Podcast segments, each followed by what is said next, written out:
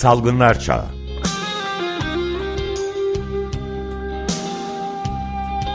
Pandemide Sağlık.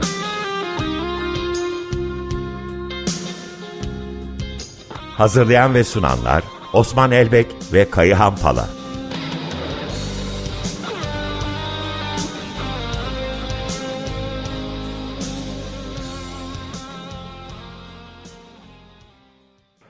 Merhabalar Osman Elbek ve Kayan Pala hoş geldiniz.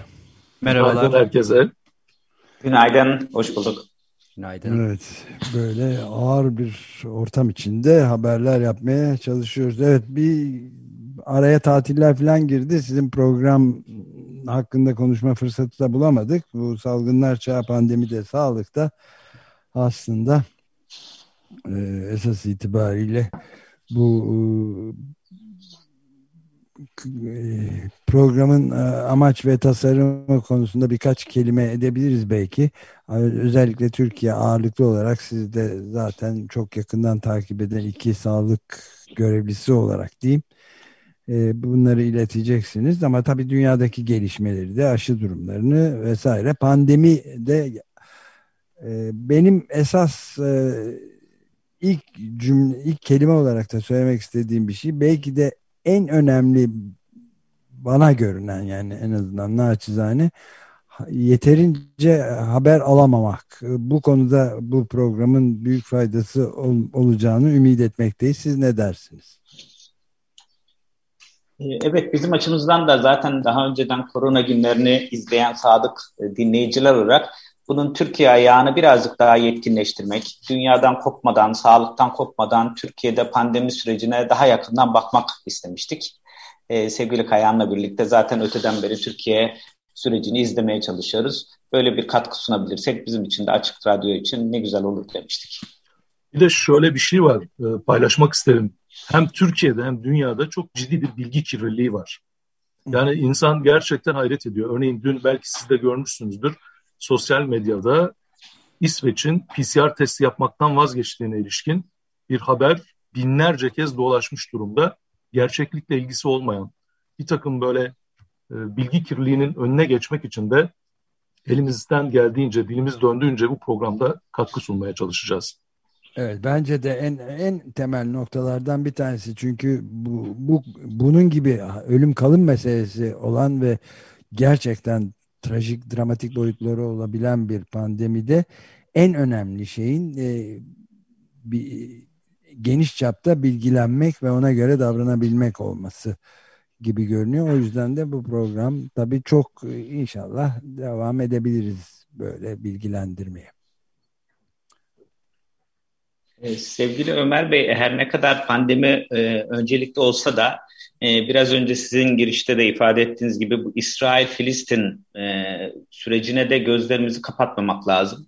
Lütfen. Adına adına ister savaş deyin, ister düşük yoğunluklu çatışma deyin, e, ister olağan dışı durum deyin, silahların konuştuğu yerlerde sağlığın, yaşamın olmadığını ve savaşın bir halk sağlığı sorunu olduğunu bir kere daha hatırlatmak gerekiyor herhalde. Bu cümle bu kadar kolay kurulamıyor bu topraklarda ama bir kere daha bunu ifade etmek lazım. Kime yönelirse yönelsin. Bilmiyorum çok önemli çünkü biraz önce de sözünü etmeye çalıştık. Yani çok inanılmaz doktorlara, sağlık çalışanlarına e, hedef alınarak yapılan e, saldırılar, öldürmeler olduğunu da e, biraz önce söyledik. Yani bundan daha vahim ne olabilir diye düşünüyor insan yani.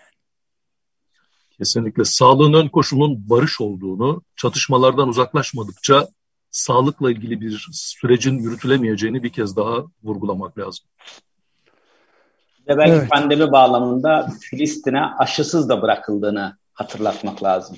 İsrail gibi ülkesindeki insanların büyük bir çoğunluğunu e, aşılayan bir ülkenin yanı başındaki bir başka yurttaşlara e, gözlerini kapaması, sırtını dönmesi ve onları aşısız bırakması hakikaten insanlık açısından sorgulanması gereken bir durum herhalde. Çok haklısın Osman. Üstelik aynı coğrafyayı paylaşıyorlar. Gerçekten inanılır gibi değil. Bu bir insanlık suçu artık. Zaten Filistin yönetimi kontrolündeki bölgelere herhangi bir e, ilaç e, giriş çıkışı ya da aşı giriş çıkışı da İsrail'in kontrolü altında. Zaten dünyanın en kalabalık yerinden bahsediyoruz. E, kapalı e, yani açık hava hapishanesi denilen ve sağlık sistemi bir yana bütün sistemleri de çökmeye yakın ve 2 milyon insanın da aslında e, şeyle açlıkla ve hastalıkla baş başa kaldığı bir durumdan bahsediyoruz. Orta çağ gibi yani. Evet, geçen hafta da Dünya Sağlık Örgütü bu aşı eşitsizliğini bir tür apartheid rejimi olarak tariflemeye başladı. Gerçekten artık e, ötekilerin tümüyle yaşam haklarının yok edildiği bir sürece doğru evriliyor. E, ama tüm bu olumsuzluğun etrafında biliyorsunuz her salı Dünya Sağlık Örgütü durum raporu açıklar. Bu salıdaki raporunda olumlu cümleler de var. Ne, tüm dünyada vaka sayılarının yüzde onların üstünde azalması mutluluk verici bir şey. Ee, geçen haftayı Hindistan, Brezilya ve Amerika sıralamasıyla ilk üç olarak geçtik. Türkiye'ye dair de daha umut verici gelişmeler oldu. Ee, geçen hafta e, haftalık e, yeni vakada Türkiye Fransa'dan sonra Avrupa'da ne yazık ki ikinci, dünyada sekizinci konuma geriledi. Gerilemek iyi bir şey aslında. İlk beşteydik. E, haftalık e, vakalarda yaklaşık 13 bin sınırında geçtik ki bir önceki haftaya oranla 46 oranında ciddi bir gerileme. Hmm. Belirtmek gerek ki dünyada gerileme açısından birinci sıradayız. Bu kadar hızlı düşen başka bir ülke yok. Ee, yüzde 46 gibi vaka sayısında inanılmaz bir düşüş e, Türkiye'yi e, önemli bir e, hastalık yükünden kurtardı. Biz bunu tedavi edici hekimler olarak çok daha iyi yaşamımızda görüyoruz. Hastalara artık yetişebilir hale geldik. Bu çok önemli bir şey. E, salgını kontrol altına almak başka bir kavram. Sağlık hizmet yükünün aşılmamasını sağlamak başka bir kavram. Türkiye ikinci ve üçüncü piklerinde ne yazık ki sağlık hizmet yükü aşıldı. Biz aslında bu yüzde 46'lık oran ile sağlık hizmet yükünün aşan kısmını törpüleyebildik. Hastalarımıza yetişebilir hale geldik. Buna kontrol diyebilir miyiz Kayan bir halk sağlığı bakış açısıyla? Hmm. Maalesef diyemeyiz Osman. Çünkü senin de belirttiğin gibi Türkiye bu pandemi sırasında salgını kontrol altına almak stratejisi yerine ağırlıklı olarak hastanelerin ve yoğun bakımların hastaları karşılayabileceği bir stratejiyi tercih etmiş oldu. Çünkü salgını kontrol altına almak denince uluslararası olarak kabul edilen epidemiolojik ölçütlere bakmak lazım. Burada uzun uzadıya konuşmayayım ama birkaç ölçütü anımsatmakta yarar var. Öncelikle yaptığınız test sayısı çok önemli.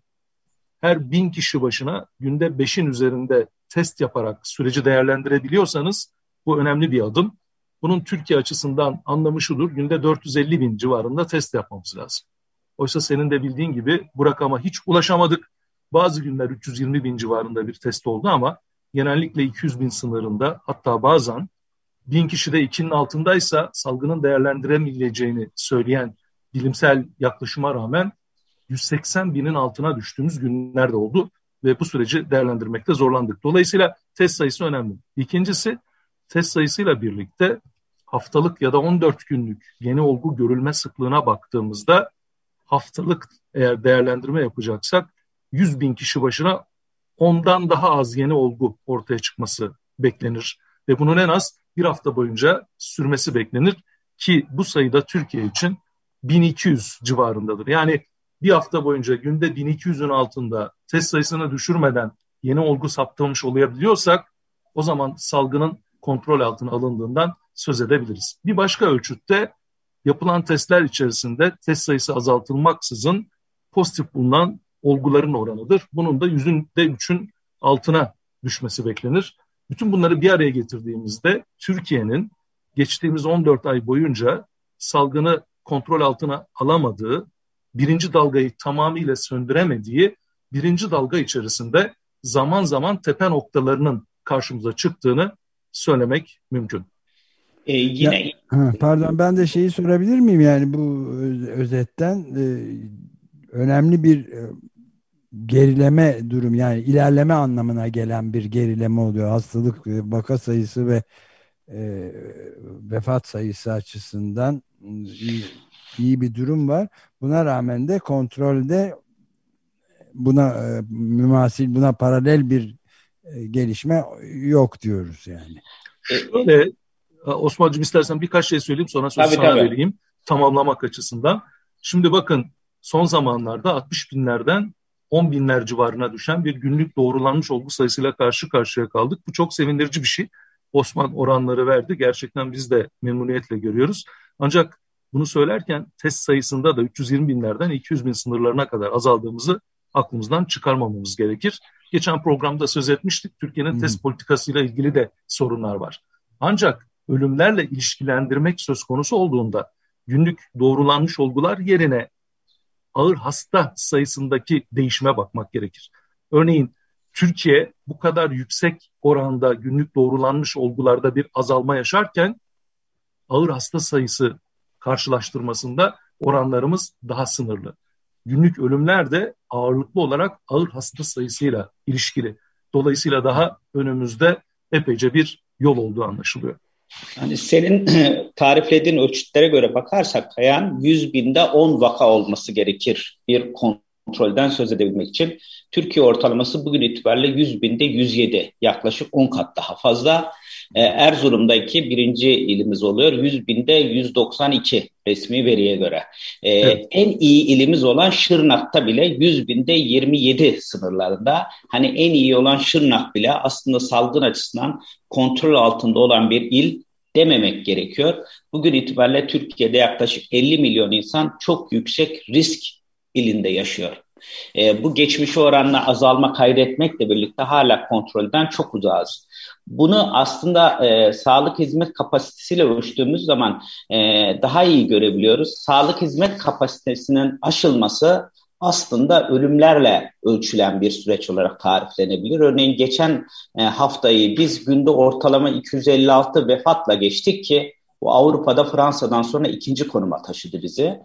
1 Mart hani ilk e, normalleşme tırnak içerisinde ifadelerinin atıldığı günden 17 Mayıs'a kadarki süreç içerisinde 16 binden daha fazla insanı biz COVID-19'dan kaybettik ki bugün de 208 ölüm anlamına geliyor ki tüm pandeminin yaklaşık 3 ölümden birini 1 Mart'tan bu yana kaydettik. Çünkü sağlık hizmet kapasitesi aşılmıştı. Çünkü hastalara yetişemiyorduk. Yatması gereken hastaları evde, yoğun bakımda izlenmesi gereken hastaları serviste izliyorduk.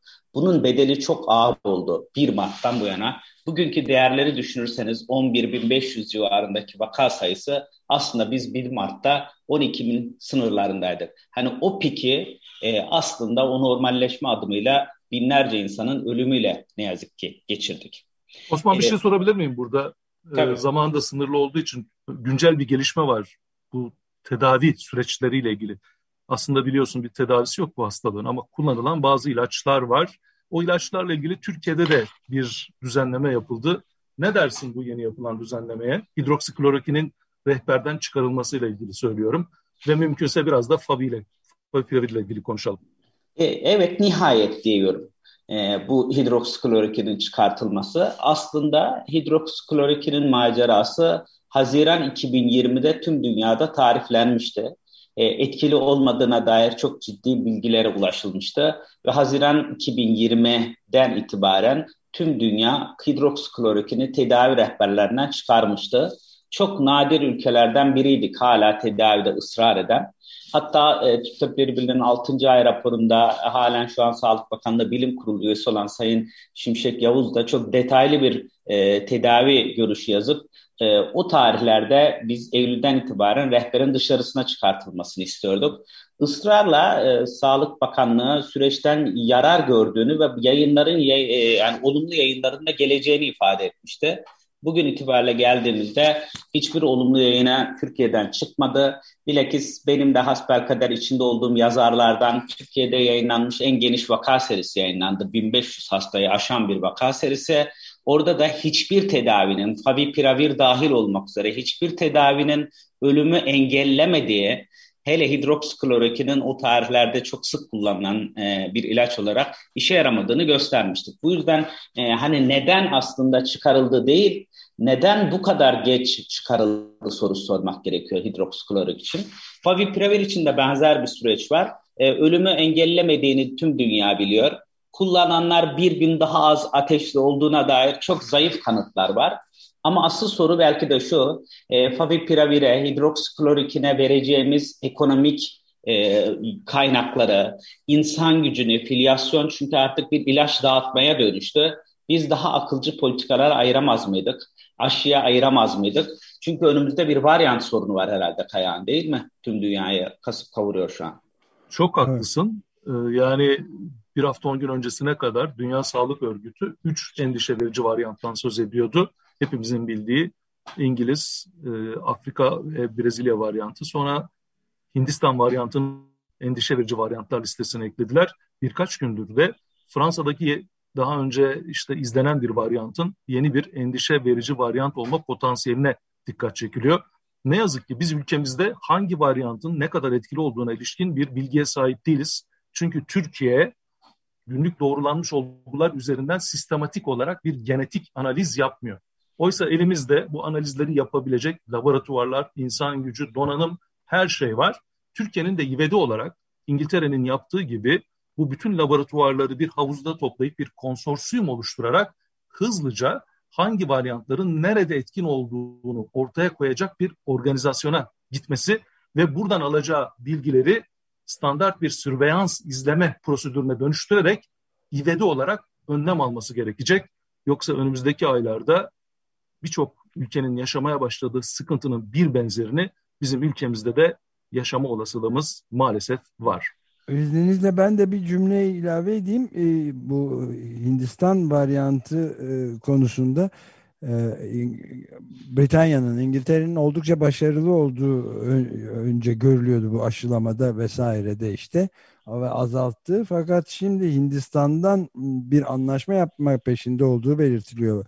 E, Başkan e, Başbakan Boris Johnson'ın ve bu anlaşmayı e, yapabilmek için Hindistan'la Hindistan'dan gelecek yolculara herhangi bir kimseye sınırlama olmadığı karantina vesaire de dahil olmak üzere bunun da tekrar muazzam bir yeni dalgaya yol açabileceği Britanya için de söyleniyor ve yazılıyor. Britanya basınında Double Down News'da ve George Monbiot'un yazılarında çok net olarak görülüyor. Bunu da ayrıca herhalde konuşacağız tekrar. Çok haklısınız. Hemen burada bir parantez açayım. İki gündür British Medical Journal'da da yayınlandı. Bu hükümetin yaklaşımının ülkeye çok büyük zarar vereceğine dikkat çeken bilimsel e, bir takım makaleler yayınlanıyor ve hatta siz de okumuşsunuzdur e, bir parlamentonun bu konuda özellikle İngiltere'nin yaptığı hataları e, izlemek evet. üzere bir komisyon oluşturması önümüzdeki günlerde bekleniyor. Evet. Çok ee, acayip ee, yine e, yine ben son olarak Dünya Sağlık Örgütü'nün e, 18'inde yayınladığı durum rapor verisinden ifade edeyim. Hindistan varyantının Türkiye'de dahil olmak üzere e, dünyada o, bulunduğunu ifade ediyor. E, üç ayrı alt tipi var. E, birinci tipi dünyada 41 ülkede, ikinci alt tipi 48 ülkede, üçüncü alt tipi 5 ülkede var. Türkiye'nin de dahil olduğu 9 ülke ise alt tip tayini yapamıyor. Ama Türkiye'de dahil olmak üzere Hindistan varyantının olduğunu ifade etmek. İngiltere bile, İngiltere bile derken günde 2200 vakaya inmiş İngiltere bile en son açılım politikasında Hindistan varyantı nedeniyle son adımı atmayacağını ifade ediyor. Hal böyleyken 11 bini aşmış bir ülke olarak hem de genomik analiz çok daha sık yapmayan bir ülke olarak Hindistan varyantının önümüzdeki süreçte ciddi probleme neden olabileceğine işaret etmek gerekiyor Türkiye için herhalde. Osman iki rakam vereyim. Örneğin İngiltere bugüne kadar kaç gen analizi yaptı, genomik analizi yaptı? 450 binin üzerinde. Peki Türkiye'de bu sayı kaç? 4 binin altında. Dolayısıyla biz gerçekten bu haritalandırmayı gen analiz üzerinden yapmakta geciktikçe önlem almakta da sıkıntı yaşayabiliriz. Bir kez daha vurgulamak istiyorum. Evet çok büyük bir fark var gerçekten. Tüyler ürpertici. Evet. Yine de umutla bitirelim mi Kaya? Hayat varsa, yaşam varsa umut da olacağına dair bir vurgu yapmak ister misin? Şarkı bu hafta senden de. Şöyle e, sevgili Osman, e, bu pandemiyi hem Türkiye'de hem dünyada bitireceğiz. Hiç bundan kuşkum yok. Ama ne kadar az hasarla bitirebilirsek, ne kadar az insanın hastalanmasını sağlayabilirsek, ölümleri engelleyebilirsek o kadar iyi olacak. Telaşımız bundan. Bugün Sezen Aksu ve Tarkan'dan bir şarkıyla e, programımızı sonlandırıyoruz. Biliyorsunuz Sezen Aksu ve Tarkan aralarında bulunduğu bazı sanatçılar 2020 yılında paylarına düşen telif gelirlerini almayıp pandemi sürecinde işsiz kalan müzisyenlere dağıtılmasını istedi. Bunu önemli bir dayanışma örneği olarak görüyoruz. Aynı zamanda her iki sanatçı yine biliyorsunuz İkizdere'deki doğa tahribatına tepki gösterdi ve yöre halkının başlattığı direnişe destek verdi. Biz böylesine duyarlı sanatçıların ülkemizde olmasından büyük bir mutluluk duyuyoruz. Bugün sözü ve müziği Sezen Aksu'ya ait olan bir şarkıyı seslendirecekler. Yine içimizi acıtan öyküsü olan bir şarkı. Anımsarsanız Diyarbakır'ın Lice ilçesine bağlı Şenlik köyünde 12 yaşında bir çobandı Ceylan Önkol ve 28 Eylül 2009 günü koyunlarını otlatırken üzerine düşen bir havan mermisiyle yaşamını yitirdi Ceylan. Evet. Sanatçılarımız diyorlar ki ne havan topu ne mermi senle vuruldum ben. Evet çocukların ölmediği bir dünya için. Evet düzenlemede Yaşar Gaga'ya ait yanılmıyorsam müzikal olarak. Evet. Diyeceğim. Ee, evet çok teşekkür ederiz valla. Ee, işte görüşmek üzere diyelim haftaya. Çok teşekkür ederiz. Görüşmek üzere. Görüşmek, görüşmek üzere. üzere.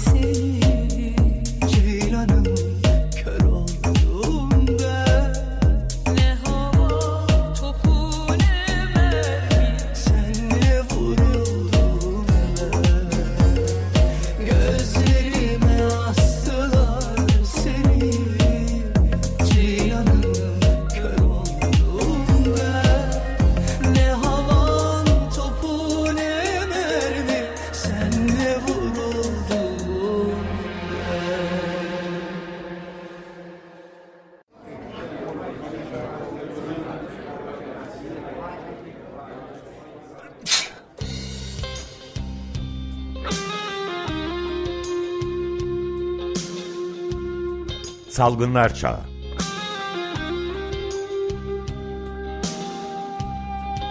Pandemide Sağlık.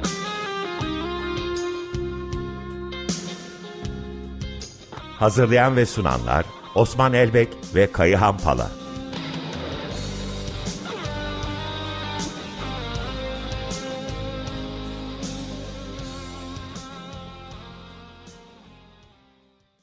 Açık Gazete